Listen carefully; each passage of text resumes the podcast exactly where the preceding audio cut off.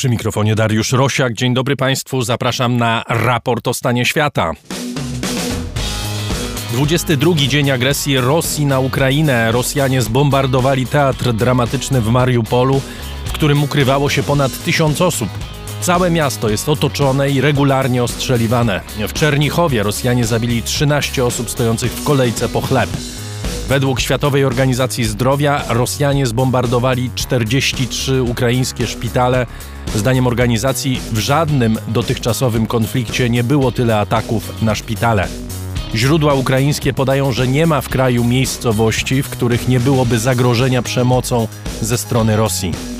Prezydent Joe Biden określa Putina mianem zbrodniarza wojennego, a brytyjska minister spraw zagranicznych mówi, że istnieją bardzo, bardzo silne dowody na poparcie tezy, że Putin jest zbrodniarzem wojennym. Ofensywa na Kijów zatrzymała się, choć miasto jest regularnie ostrzeliwane. Brytyjski dziennik Financial Times publikuje plan ewentualnego porozumienia ukraińsko-rosyjskiego. Ukraina twierdzi, że to wyłącznie stanowisko Rosji i nie ma mowy o ustępstwach terytorialnych ze strony Ukrainy. Mołdawia przyjęła 300 tysięcy uchodźców. Kraj obawia się, że Rosja użyje swoich wojsk w Naddniestrzu do ataku na Mołdawię. Turcja wspiera Ukrainę militarnie, ale chce równocześnie występować w roli mediatora, utrzymując kontakty z obu stronami wojny. O tym w raporcie o stanie świata 17 marca 2022 roku. Raport o stanie świata to program finansowany przez słuchaczy. Dziękuję bardzo za wszystkie wpłaty, bo to dzięki nim nasz podcast może powstawać. Jeśli ktoś z Państwa miałby ochotę dołączyć do grona patronów, zapraszam na mój profil w serwisie patronite.pl za jego pośrednictwem najłatwiej nas wesprzeć. Adrian Bąki, Chris Wawrzak w reżyserce Studia Efektura. Zaczynamy.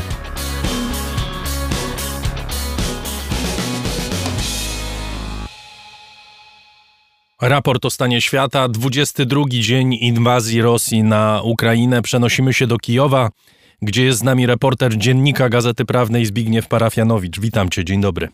Dzień dobry. Chyba niedawno skończyła się ta godzina policyjna trwająca 35 godzin, która miała jakoś chronić ludzi przed atakami z powietrza dokonywanymi przez Rosjan. Jak w tej chwili sytuacja wygląda w mieście?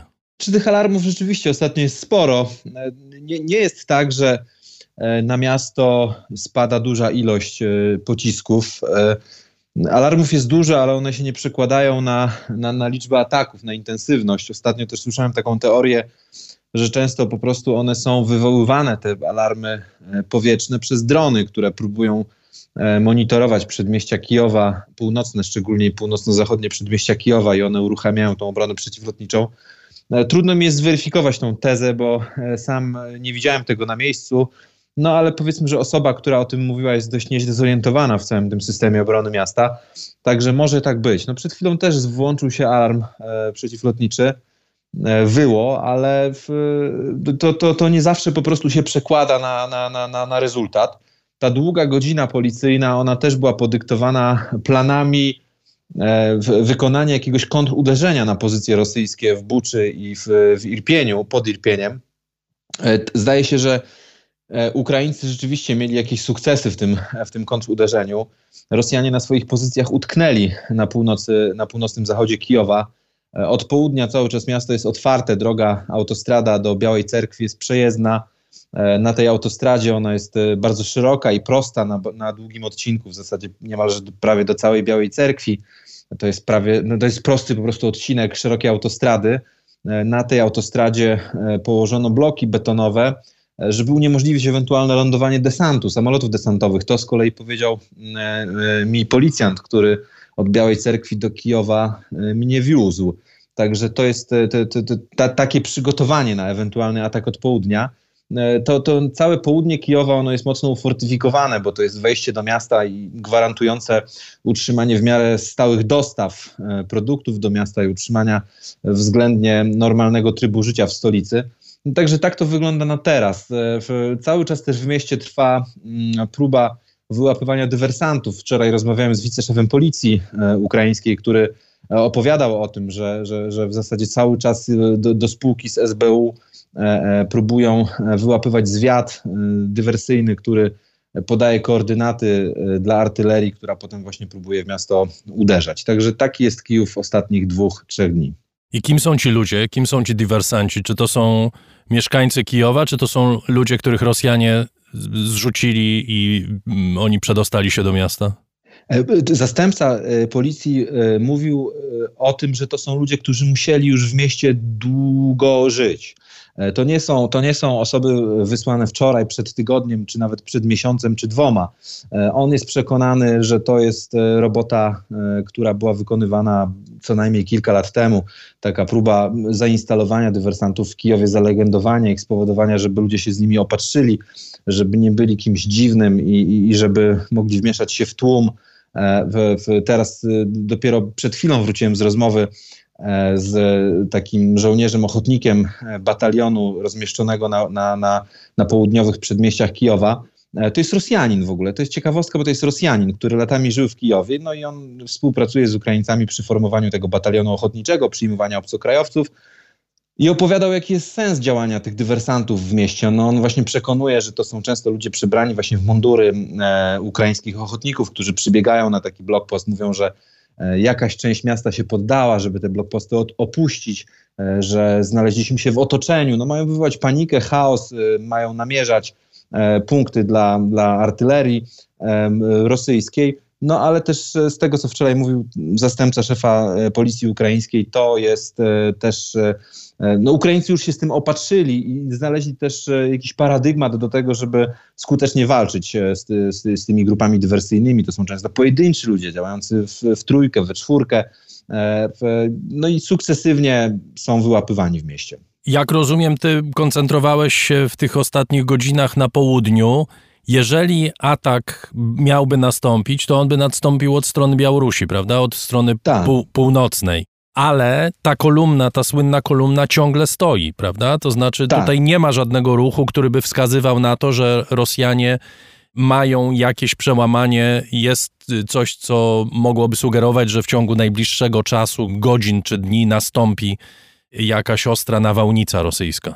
Nie, dokładnie tak oni utknęli w tym, w tym konwoju. Tam są problemy rzeczywiście cały czas z dostawami paliwa nawet są problemy do takiego poziomu bardzo prozaicznego, czyli rozstawienie jakichś toj-toi, w których e, ci żołnierze mogliby e, jakąś higienę zachowywać podstawową. Tak, tak, te, te, te, takie są doniesienia Ukraińców tutaj w mieście. Ten, ten konwój też jest sukcesywnie atakowany tutaj na, na, na, północnych przedmieściach Kijowa na zasadzie takiej taktyki uderz i uciekaj, żeby im uprzykrzyć życie na, na, na północy. E, on, on utknął kompletnie. W tej chwili też no, ten Rosjanin z batalionu ochotniczego ukraińskiego, z którym rozmawiałem przed chwilą, on mówi, że e, no, zresztą to też potwierdzają ostatnie dni. To będzie dochodziło najpewniej do ataków z powietrza na cele E, cywilne, żeby uprzykrzyć ludziom życie, steroryzować miasto, spróbować osłabić jego morale. E, I, i to, to jest takie oczekiwanie na najbliższe dni, że to będą po prostu pociski spadające z góry. Tak jak zresztą w nocy z poniedziałku na wtorek, no to bardzo blisko centrum coś spadło na. E, nie, nie, nie jestem w stanie potwierdzić, czy to był zestrzelony pocisk, który spadł na, na, na metro Łukianiwska czy to był po prostu pocisk, który miał tam uderzyć. Natomiast rzeczywiście to jest już taki punkt dość blisko centrum i, i, i to, to, to, to, dawało już tak do zrozumienia, że, że, że, że te uderzenia e, na cele w Kijowie będą coraz bliżej centrum się odbywały. Media mówiły, że to był zestrzelony pocisk, e, zestrzelony przez Ukraińców. Ciekawe jest to, co powiedziałeś o Rosjaninie. Z wielu miejsc e, w kraju docierają doniesienia, że oprócz kilku przypadków, głośnych przypadków kolaboracji, właściwie tej kolaboracji nie ma. I to dotyczy zarówno ludności rosyjskojęzycznej, a niekiedy Rosjan, jak wskazujesz, jak i etnicznych Ukraińców, jeśli tak można powiedzieć. Czy między tymi grupami nie ma jakichkolwiek y, spięć, czy po prostu mamy taki jednolity front oporu przeciwko rosyjskiej inwazji, w którym biorą udział ludzie bez względu na to, skąd pochodzą, jakim językiem mówią, kim są. No, absolutnie tak. W Kijowie, który obserwuję i o którym mogę opowiedzieć na podstawie danych, które widzę i które, których mogę dotknąć, no to jest pospolite ruszenie, ale też słyszałem relacje e, od, od ludzi, którzy byli w Mikołajewie, którzy byli na południu e, i, i, to wygląda tak samo. No, w Chersoniu nie udało się Rosjanom ogłosić e, Republiki Ludowej. tam dochodzi do protestów, ludzie chodzą z ukraińskimi flagami, no widzimy te nagrania i to jest fenomen, no bo w zasadzie Putin tą inwazją i też wieloma tymi, tymi latami nękania Ukrainy, on stworzył naród polityczny tak naprawdę na Ukrainie, w miejscach, w których e, jeszcze z 10 lat temu nie podejrzewano by, że ktoś by się podpisał pod flagą ukraińską, no bo Hersoń czy Mariupol mm, to były miasta, które w, w Lwowie były określane jako wata, czyli taki, taka bezwładna masa do, do kształtowania, a w tej chwili widzimy tam bardzo dużo takich e, zachowań heroicznych, które pokazują, że e, no, że Putin znacznie przyspieszył ten proces formowania narodu politycznego na, na, na Ukrainie. To w zasadzie on jest głównym katalizatorem tych zmian, można powiedzieć, i, i, i to, e, to, to, to jest taki najbardziej namacalny rezultat tej inwazji. E, no, ten Rosjanin on w, w, batalionie ochotniczym, no on się, to, to widać, że był wśród przyjaciół, w, w pełni e, jakby akceptowany, szanowany, miał autorytet, poważanie, także tak to, tak to wygląda w praktyce. Opowiedz jeszcze o samym mieście. Jak rozumiem tutaj ze słów mera Kliczki, mniej więcej połowa ludności wyjechała. Ciągle e, ta południowa granica miasta jest otwarta, w zasadzie można nią wyjechać. Czy teraz zostali ludzie już wyłącznie ci, którzy albo będą bronić miasta, albo z jakichś innych powodów nie chcieli wyjechać? Czy to jest tak, że w dużej mierze zostali ci, którzy chcą miasta bronić? Przyjechała też e, masa ludzi, którzy, którzy Kijowa chcą bronić. Zostali ci, którzy, mm, którzy po prostu nie widzą sensu e, opuszczania e, miasta, w którym się urodzili, z którym są związani. E, ja też przedwczoraj rozmawiałem z małżeństwem, 80-letnim małżeństwem, które przyszło na Majdan Niezależności, aby no, urządzić sobie piknik przy pięknej, słonecznej, marcowej pogodzie, takim wstępie do wiosny przy dość wysokiej temperaturze, jak na tą, na, na tą porę roku. E, jedli kanapki, pili herbatę z termosu i pytałem, dlaczego nie, nie, nie, nie wyjechali z miasta, czy się nie obawiają o swoje życie. Oni nie mają zamiaru tego miasta opuszczać. Oni chcą tu być, to jest ich miejsce i żadna inwazja rosyjska nie jest w stanie ich nakłonić do tego, żeby tą, tą decyzję zmienili. Byli bardzo optymistyczni, wierzyli w zwycięstwo, w to, że, że Kijów się obroni. Zupełnie nie planowali żadnego wyjazdu. Jak rozumiem, nie ma żadnych problemów z dostawami, tak? Żywność jest, woda jest, prąd jest, y, sklepy są otwarte, jakoś normalnie funkcjonują?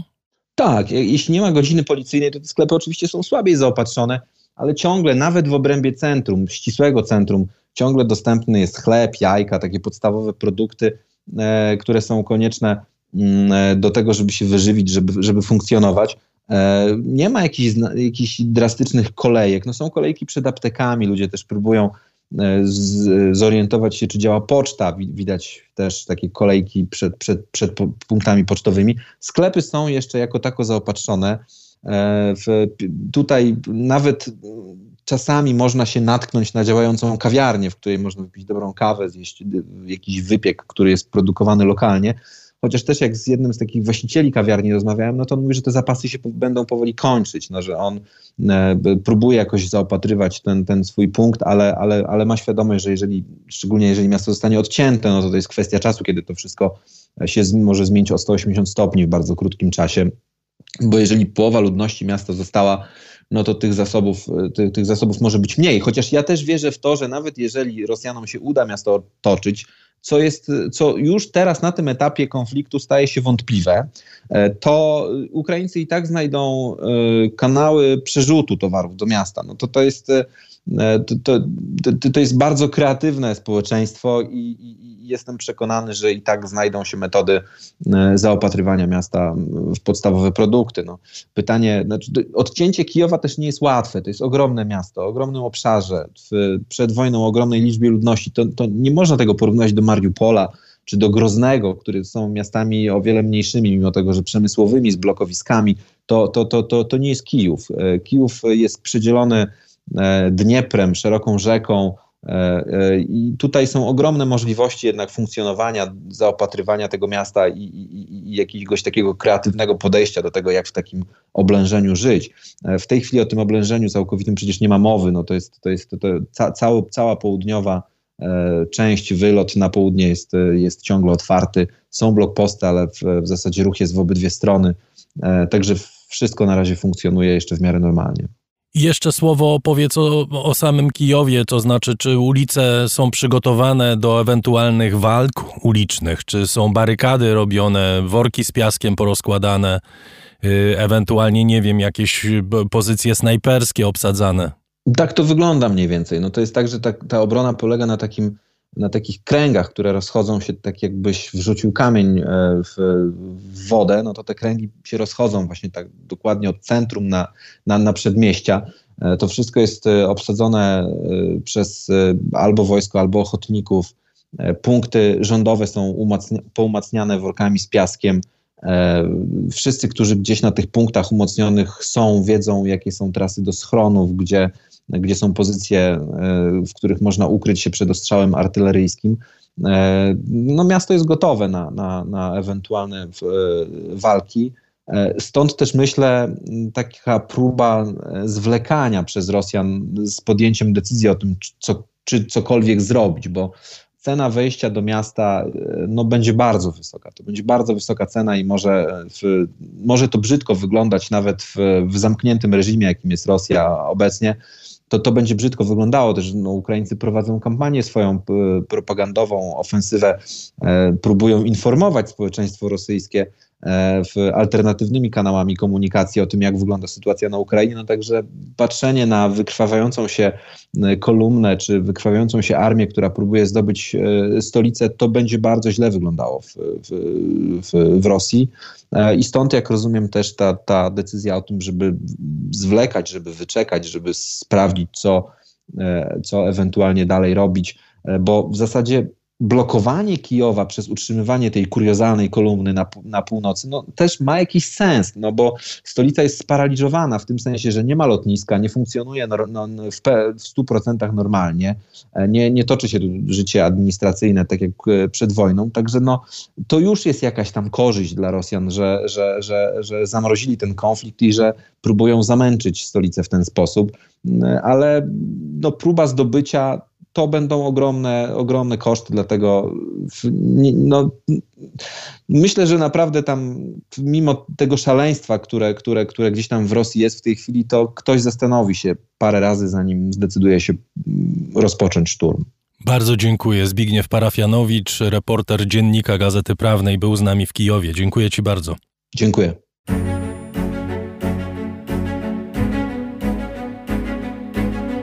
Około 300 tysięcy Ukraińców uciekło do Mołdawii, połowa z nich mniej więcej została na terytorium tego kraju. Ludność Mołdawii obawia się ataku Rosji z terytorium Naddniestrza, gdzie stacjonuje kilka tysięcy żołnierzy rosyjskich. W studio Jakub Pieńkowski z Polskiego Instytutu Spraw Międzynarodowych. Dzień dobry. Dzień dobry. Nieco ponad 2,5 miliona mieszkańców Mołdawii, kraj biedny, staje wobec napływu tak ogromnej liczby uchodźców z Ukrainy. Jak sobie radzi? Radzi sobie nad wyraz dobrze, jeżeli byśmy popatrzyli na to, że to jest właśnie drugi co do e, ubóstwa kraj w Europie, po Ukrainie, na której trwa przecież od 2014 roku wojna. Też to jest maleńki kraj, 2 miliony 600 tysięcy mieszkańców i przyjął dotychczas 340 tysięcy ludzi. Takie są dane za ostatnie dni i spośród nich około 100 tysięcy cały czas pozostaje w Mołdawii. Pozostali pojechali poprzez y, korytarze ewakuacyjne do Rumunii i część z nich pojechała dalej y, w Europę, między innymi do Polski. Natomiast mimo tych problemów, mimo bardzo ograniczonych y, zdolności, jeżeli chodzi o samą wydolność tego państwa, to Mołdawianie radzą sobie nad wyraz dobrze. Natomiast musimy pamiętać, że potencjalny y, pik tego kryzysu dopiero przed Mołdawią. Jak to wygląda? Jak wygląda ta pomoc? My wiemy, że w Polsce głównie jest to oparte na wolontariuszach, na ludziach, którzy właściwie zjeżdżają z całej, nie tylko Polski, ale z całej Europy i pomagają.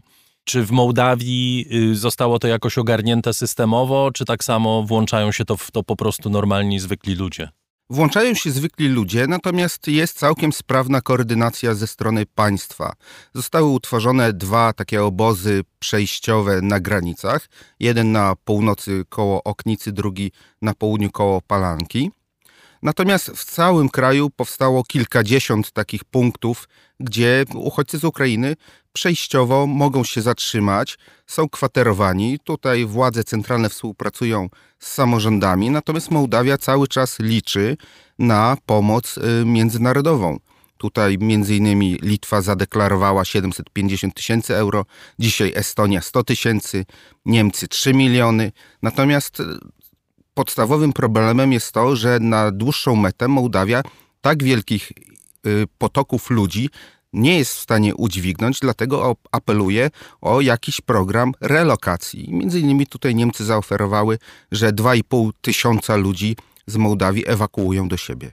Mołdawia jest w bardzo trudnej sytuacji politycznej, bo y, jest pod presją Rosji, jest pod presją tego pasa, który nazywamy Naddniestrzem i który od trzech dekad jest, y, no, twierdzi, niezależny, odseparował się od, od kraju. Jak w tej sytuacji władze Mołdawii widzą rozwój wypadków?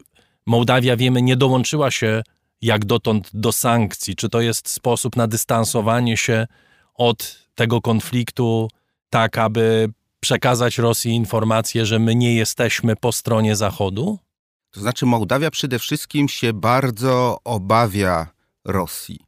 Sankcje mołdawskie mm, tak naprawdę byłyby bez najmniejszego znaczenia, byłyby co najwyżej symboliczne, natomiast byłyby idealnym pretekstem do tego, aby Rosja wywarła bardzo dużą presję, żeby odpowiedź rosyjska była taka, że Mołdawia jako państwo naprawdę by wpadła w wielkie tarapaty.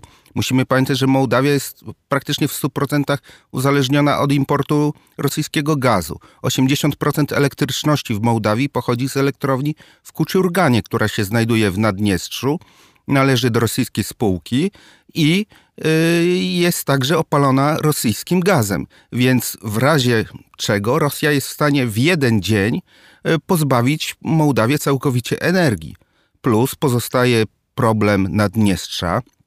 Musimy pamiętać, że na terenie konstytucyjnym, y, na obszarze konstytucyjnym Mołdawii od 30 lat od 92 roku, kiedy się zakończyła wojna w Naddniestrzu, funkcjonuje organizm parapaństwowy, który znajduje się pod protekcją Rosji. Stacjonują tam rosyjskie wojska. W tej chwili to jest jakieś 1700 y, żołnierzy, którzy pozostali jeszcze po tak zwanej 14 Armii Radzieckiej. Plus do tego trzeba by było dodać jakieś 5-7 tysięcy lokalnych sił, wojska, sił MSW, Ministerstwa Bezpieczeństwa Państwowego, które są nominalnie pod y, władzą czy też pod zarządem e, naddniestrzańskim, natomiast faktycznie w przypadku konfliktu wykonywałyby polecenia e, dowódców rosyjskich. Problem też polega trochę na tym chyba, że Naddniestrze nie jest jednolite, a zwłaszcza nie jest jednolite, jeśli chodzi o y, narodowości, prawda? Tam mieszka bardzo dużo Ukraińców. I byłby problem, gdyby Naddniestrze postawiło się po stronie Rosji w wojnie z Ukrainą i na przykład zaatakowało, czy pozwoliło za swoim pośrednictwem zaatakować Rosji y, Mołdawię. To znaczy, musimy tutaj pamiętać, że jeżeli taka decyzja zapadnie, to nie o tym będą decydować władze Naddniestrza. Jeżeli będzie decyzja o użyciu tych wojsk, czy to rosyjskich, które tam stacjonują, czy lokalnych sił, to to zapadnie na Kremlu.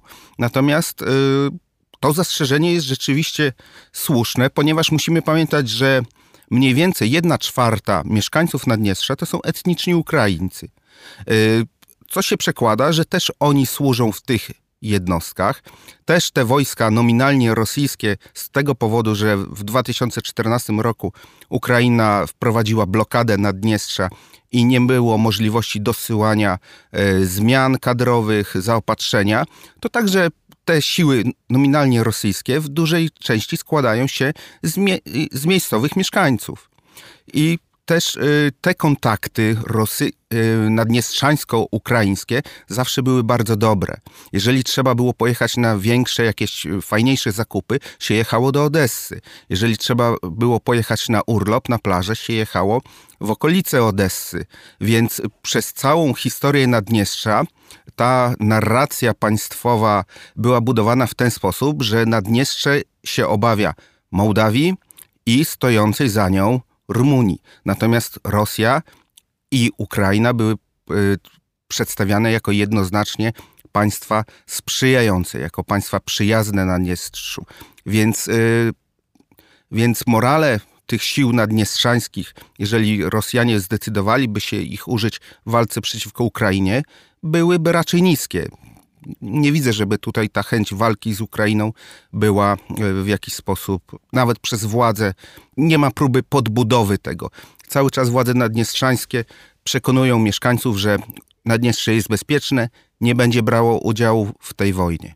A sami Mołdawianie obawiają się rosyjskiego ataku. My pamiętamy takie zdjęcie Łukaszenki z taką wielką mapą, gdzie pokazywał wskaźnikiem, że jedno z natarć może pójść na Mołdawię. To zdaje się były czasy, kiedy jeszcze ciągle Rosjanie liczyli na Blitzkrieg, na to, że się wszystko uda zająć w ciągu dwóch, trzech dni, między innymi Odessę. Już dziś wiemy, że to tak nie poszło. Czy to jest, myśli pan, nieaktualna potencjalnie nawet możliwość, że po prostu Mołdawia w tej chwili, w takiej sytuacji, w jakiej Rosja znalazła się militarnie, jest w miarę bezpieczna? Musimy pamiętać, że spod e, Odessy do Tyraspola to jest raptem 100 kilometrów. Więc jeżeli doszłoby do walki o Odessę, jeżeli dojdzie do desantu yy, sił rosyjskich wokół Odessy, jeżeli one podejdą od strony Mikołajowa, to jest realna możliwość, że siły rosyjskie dojdą do granicy naddniestrzańskiej i także ją przekroczą. Jest też możliwość, że te siły naddniestrzańskie, mimo że w tym momencie nie stanowią zagrożenia, bo są stosunkowo właśnie słabe, są źle wyposażone, e, mają niskie morale, e, to także zostaną użyte przeciwko Ukrainie. Tutaj e, warto wspomnieć, że granica e, naddniestrzańsko-ukraińska to jest 450 kilometrów. Główna e, jej wartość dla Rosji w tej chwili to jest to, że Ukraińcy muszą swoje siły rozpraszać. Tę granicę, mimo szczupłości sił naddniestrzańskich, trzeba cały czas osłaniać, e, ochraniać, obserwować. Natomiast Ukraińcy mają dosyć dobre rozeznanie w tym, co się dzieje w Naddniestrzu. Od 2014 roku aktywność ukraińskiego e, wywiadu była dosyć e, istotna, ponieważ i samo Naddniestrze chciało być przezroczyste dla Ukrainy, żeby no, nie budować tego nastroju zagrożenia po stronie ukraińskiej. Natomiast też na głównych drogach Ukraina zbudowała e, blokady. Główna, most na głównej linii kolejowej łączącej Naddniestrze z Ukrainą został wysadzony w powietrze prewencyjnie przez siły ukraińskie kilka dni temu. Więc e, Ukraińcy są przygotowani na potencjalny atak z Naddniestrza. Natomiast e, jeżeli to będzie połączone z y, desantem przy Odessie, w okolicach Odessy, to może stanowić y, rzeczywiście zagrożenie. Natomiast czy y, Rosjanie planują wejście na tereny, które kontroluje konstytucyjny rząd w Mołdawii? Tutaj mm, na razie ku temu przysłanek nie ma. E, też widać, że władze w Kiszyniowie zachowują się, czy też starają się zachowywać spokojnie. E, wiemy, że e, są informowane przez zachodnich partnerów, Amerykanów, partnerów z Unii Europejskiej, że zagrożenia inwazją nie ma. I widać, że nie podejmują też żadnych kroków, aby umocnić swoją obronność, nie ma ogłoszonej mobilizacji, panuje stan wyjątkowy, owszem, ale to jest y, na tle wojny, która się toczy po prostu w sąsiedztwie i napływu no już 300 tysięcy uchodźców z Ukrainy. Jak rozumiem, Mołdawianie, ludność Mołdawii przyjmuje te zapewnienia na razie, czy też może część z nich wyjeżdża? Y, ludność się niepokoi. Natomiast zapewnieniom władzy wierzy, ale tak jak zawsze nie do końca, tak? Więc y, ludzie robią zapasy, była, y, te, teraz trochę osłabła, ale panika y, związana z zakupem paliw, y, podstawowych produktów żywnościowych. Tutaj władze musiały wprowadzić embargo na wywóz pszenicy i cukru, podstawowych produktów żywnościowych, więc ta obawa cały czas jest. No i jeżeli Rosjanie podejdą pod Odessę, to będzie wielka dodatkowa fala uchodźców. To jest przecież milionowe miasto i najbliższy kierunek, gdzie można uciekać, to jest właśnie Mołdawia a potencjał, żeby Mołdawia e, powstrzymała siły rosyjskie e, w przypadku, jeśli by Rosjanie zdecydowali się wtargnąć na jej terytorium, jest żaden. Mołdawia ma raptem 4 tysiące żołnierzy, do tego powinniśmy dodać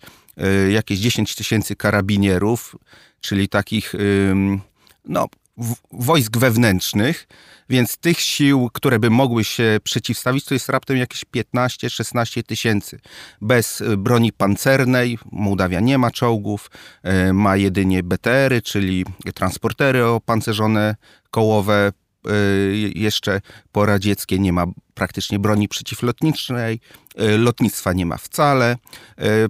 Wystarczy, że wspomnimy, że na ten rok cały budżet armii przewidziany to jest 47 milionów dolarów. On jest półtora razy większy niż w roku ubiegłym, ale 47 milionów dolarów to wystarczy raptem na to, żeby kupić jedzenie i zapłacić ludziom. Ta armia się zatrzymała, pomijając już jej y, liczebność, w końcu lat 80., więc potencjał, żeby powstrzymać Rosjan, jest żaden. Bardzo dziękuję. Jakub Pieńkowski z Polskiego Instytutu Spraw Międzynarodowych był gościem raportu o stanie świata.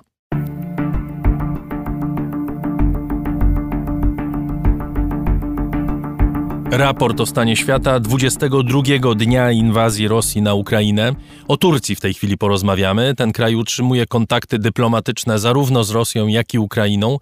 W Turcji odbywały się rozmowy ministrów spraw zagranicznych obu krajów, a prezydent Erdoğan rozmawia też z prezydentem Bidenem. W studio Krzysztof Strachota z Ośrodka Studiów Wschodnich. Dzień dobry. Kłaniam się nisko kluczowy partner Zachodu w tej wojnie, chyba ze względu na położenie geograficzne, potencjał wojskowy, kontakty polityczne, to wszystko się składa e, na to, że chyba trudno przecenić rolę Turcji. Jak Ankara wykorzystuje ten swój potencjał? Ankara przede wszystkim próbuje zabezpieczyć swoje własne interesy i swoje własne bezpieczeństwo, szeroko pojęte, bo to chodzi o kwestie militarne, polityczne, gospodarcze i inne próbuje wzmocnić swoją pozycję dyplomatyczną zarówno wobec y, sojuszników y, zachodnich, wobec Stanów Zjednoczonych, wobec państw y, natowskich, jak też wobec Rosji i mm, Ukrainy. Wreszcie próbuje zaznaczyć i wzmocnić swoją pozycję na Bliskim Wschodzie, bo, bo, bo wojna na Ukrainie tworzy, czy przyspiesza pewne procesy na Bliskim Wschodzie, które dla Turcji potencjalnie są niebezpieczne. A jakie to są procesy? Skoro o Bliskim Wschodzie pan wspomniał, rzadko się ten temat porusza, to może powiedzmy. Dla Turcji taką wymierną i bardzo konkretną rzeczą jest rosyjska obecność e, wojskowa w, w, Syrii. To, że od 2015 roku Rosja jest istotnym czynnikiem kreującym sytuację wojskową e, w Syrii, co dla Turcji oznacza i użycie karty kurdyjskiej, i bezpośrednie zagrożenia dla enklawy Idlib, gdzie, gdzie jest opozycja e, syryjska, gdzie jest 2-3 miliony ludzi, więc to jest granie kryzysem humanitarnym. I pytanie o to, co, jakie działania Rosja podejmie w Syrii, czy one nie zagrożą bezpośrednio Turcji.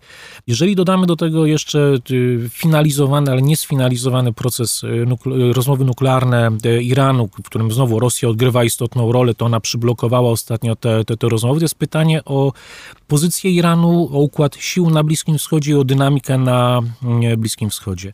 Trzecim blokiem problemów, który jest z tym związanym, to jest kwestia spodziewanych no, katastrofy żywnościowej żywnościowej. I Rosja i Ukraina razem wzięte są, istotnym eksporterem e, zbóż czy, czy, czy, czy olei spożywczych, słonecznikowego na przykład, do Turcji i na Bliski Wschód.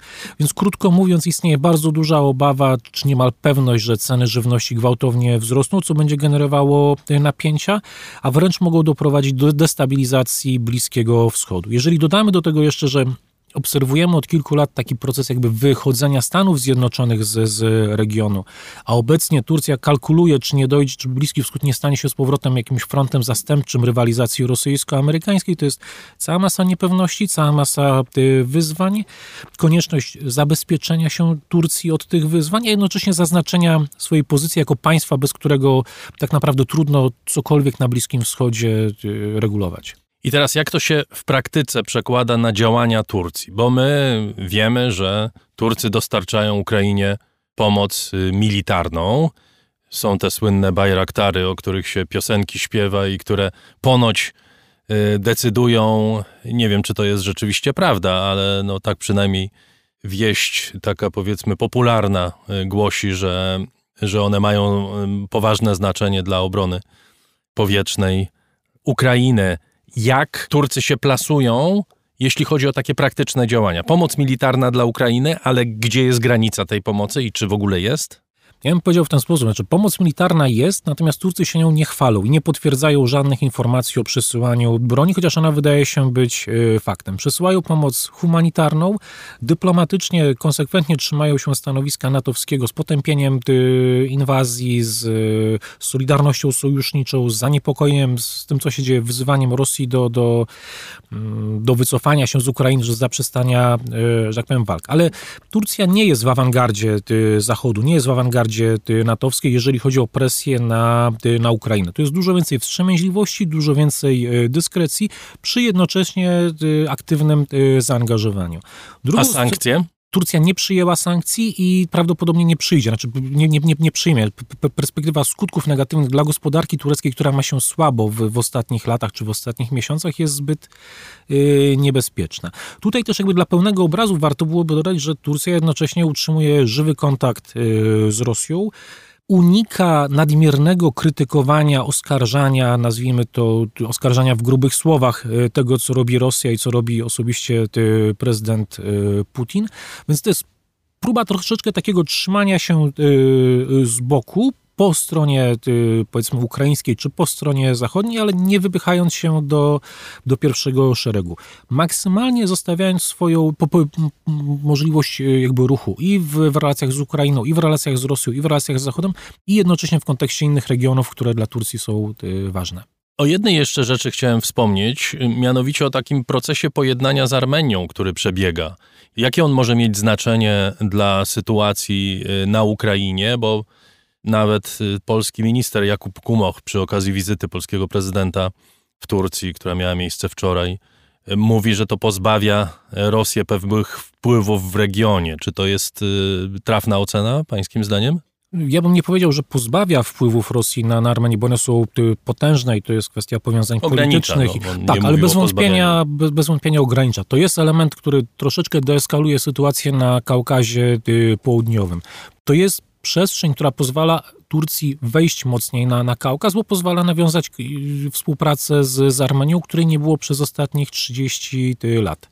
Ja bym to traktował też jako sygnał ze strony Turcji, że, że, że ma rozbudowaną, sprawną, efektywną y, dyplomację, że, że jest y, istotnym graczem i w kontekście czarnomorsko-ukraińskim powiedzmy, i na Kaukazie, i, i na Bliskim Wschodzie, i w regionie Morza y, Śródziemnego. To porozumienie z, z Armenią, które zresztą Turcja na swój sposób zabiegała w, w ostatnich latach po zakończeniu wojny w Górskim Karabachu, przy czym zabiegała na swoich własnych warunkach, które Armenia w istotnym stopniu przyjmuje. To jest właśnie troszeczkę symbol, znak tego, że, że, że sprawności dyplomacji tureckiej, wartości Turcji jako partnera politycznego. W takim szerszym planie y, wiele krajów przy okazji tej wojny rewiduje swoje stanowisko wobec Rosji i to w takim fundamentalnym sensie. Turcja od wielu lat, no co najmniej od kilku dekad, może od dwóch, kiedy rządzi prezydent Erdoğan, najpierw premier, potem prezydent Erdoğan, była zawieszona między Zachodem a Rosją. Cały czas zastanawialiśmy się, gdzie jest ta granica, która spowoduje, że być może polityka turecka przechyli się bardziej na stronę rosyjską, mieliśmy konflikty w ramach NATO itd., tak itd. Tak czy to jest y, debata, która się w Turcji toczy? Czy ta wojna, podobnie jak, nie wiem, jak w Niemczech czy we Francji, powoduje jakąś refleksję na temat tego, że Rosja może być nie do końca wiarygodnym partnerem dla takiego kraju jak Turcja? Mm, ja bym powiedział w ten sposób, że podejście Turcji do Rosji zawsze było zniuansowane, wielotorowe, niezwykle racjonalne i niezwykle transakcyjne. Turcja nie tyle była zawieszona między Rosją a Zachodem, co aktywnie rozgrywała i jedną, i drugą stronę. Rosja w Turcji jest traktowana jako obiektywna rzeczywistość, obiektywny czynnik, który ma istotne znaczenie polityczne, który jest ważnym partnerem gospodarczym, który jest istotną siłą militarną. Turcja ma zdefiniowane pewne interesy w relacjach z Rosją, w których ściśle współpracuje. Na nasze standardy byłaby to y, strategiczna współpraca, czy to w sferze energetyki, czy, czy, czy w sferze bezpieczeństwa. Tej głośny zakup y, systemów obrony powietrznej jest 400 przez y, Turcję od Rosji wbrew stanowisku NATO i przy sankcjach amerykańskich. Współpracuje z nimi w Syrii ale jednocześnie, i to się dzieje naprawdę jednocześnie, z tą Rosją rywalizuje. To, to Turcja zestrzeliła rosyjski samolot, to tureccy żołnierze strzelali do rosyjskich ochotników w, Libii, to, to, to, to strzelają do siebie nawzajem w Syrii. To jest Co dwutorowa... ważne, może warto wspomnieć, że Rosja nie zareagowała na zestrzelenie tego samolotu na przykład, prawda? Wprowadziła wtedy sankcje gospodarcze, no tak, y, które ale... dla Turcji były istotne. Nie zareagowała militarnie. Tak, nie zareagowała militarnie. Krótko mówiąc, ja bym się nie spodziewał tutaj jakby zmiany w podejściu do Rosji. To nie, to nie jest sentymentalne podejście do, do, do Rosji. To nie jest jakby podejście, które jest budowane na moralnych czy estetycznych jakichś y, opiniach na temat Rosji. To jest przekonanie, że to jest obiektywne byt, obiektywne państwo z poważnymi instrumentami, z którym należy się liczyć, z którym można zarabiać pieniądze ale któremu oczywiście nie można ufać, tak jak to w interesach nie można ufać i trzeba się liczyć z tym, że, że balansuje się na, na, na granicy konfliktu. Wydaje mi się, że to, co się dzieje w tej chwili na Ukrainie, tylko potwierdza tą turecką jakby perspektywę, że, że tak, Rosja jest jaka jest, Rosja ma jakieś tam znaczenie, my musimy umiejętnie w tym się odnajdywać i wykorzystywać to na swoją korzyść, albo przynajmniej minimalizować straty. Mówi pan co pewnie jest zrozumiałe, że ten konflikt, ta wojna nigdy nie będzie rozumiana tak w Turcji, jak na przykład jest rozumiana w Polsce, czy na Słowacji, czy na Litwie, ale jak ona jest relacjonowana? Czy to jest y, relacja tego typu, którą możemy zobaczyć y, w, w Polsce, czy w zachodnich mediach, czy też Y, jest to znowu troszkę bardziej zniuansowane. Wydaje mi się, że to jest trochę bardziej zniuansowane. Duży nacisk jest położony na kwestie humanitarne. Z rzeczą, którą opinia turecka żyje w ostatnich dniach, jest kwestia Turków, którzy są uwięzieni w y, Mariupolu, których nie można ewakuować i o co dyplomacja turecka zabiega, żeby można było ich y, ewakuować. To jest okazja do przypomnienia uchodźców syryjskich w w Turcji to jest jakby okazja do, do komplementowania Polski, która przyjmuje uchodźców y, ukraińskich. Jeszcze ważniejszą rzeczą jest kwestia gospodarcza. Znaczy tego, że konflikt powoduje problemy gospodarcze, to jest wzrost y, cen żywności, y, ceny oleju słonecznikowego wzrosły ponad 60%, to jest wzrost cen energii, to jest perspektywa, że te ceny będą rosły i będą nakręcać i tak wysoką turecką inflację jest wyraźny moment jakby pokazujący Turcję jako rozgrywającego, jako poważnego partnera, który w sposób odpowiedzialny, skuteczny, obiecujący jest w stanie prowadzić dialog z najważniejszymi państwami świata w sprawie tego kryzysu, bez mała niezbędnym do tego, żeby ten, tym, tym kryzysem zarządzać pojawiają się wątki jakby emocjonalne, przypominanie kwestii Krymu. Teraz była rocznica aneksji Krymu, to Turcja przypomniała, że się sprzeciwiała temu. Pojawiają się elementy Tatarów krymskich, którzy zawsze są taką dla, dla Turcji wrażliwą rzeczą. Ale ja bym nie powiedział, że, że, że to jest coś podobnego do polskiej narracji. No, na pewno nie jest. Bardzo dziękuję. Krzysztof Strachota z Ośrodka Studiów Wschodnich był gościem raportu o stanie świata. Dziękuję. To prawie wszystko w tym kolejnym wojennym wydaniu raportu o stanie świata. Zapraszam jutro na nasz pełny cotygodniowy program. Dziękuję Państwu bardzo za słuchanie raportu. Przypominam, że na naszej stronie wszystkie programy o Ukrainie są skatalogowane w jednym miejscu i łatwo dostępne, oczywiście za darmo. Adres strony raportostanieświata.pl. Dziękuję Państwu bardzo za to, że jesteście z nami.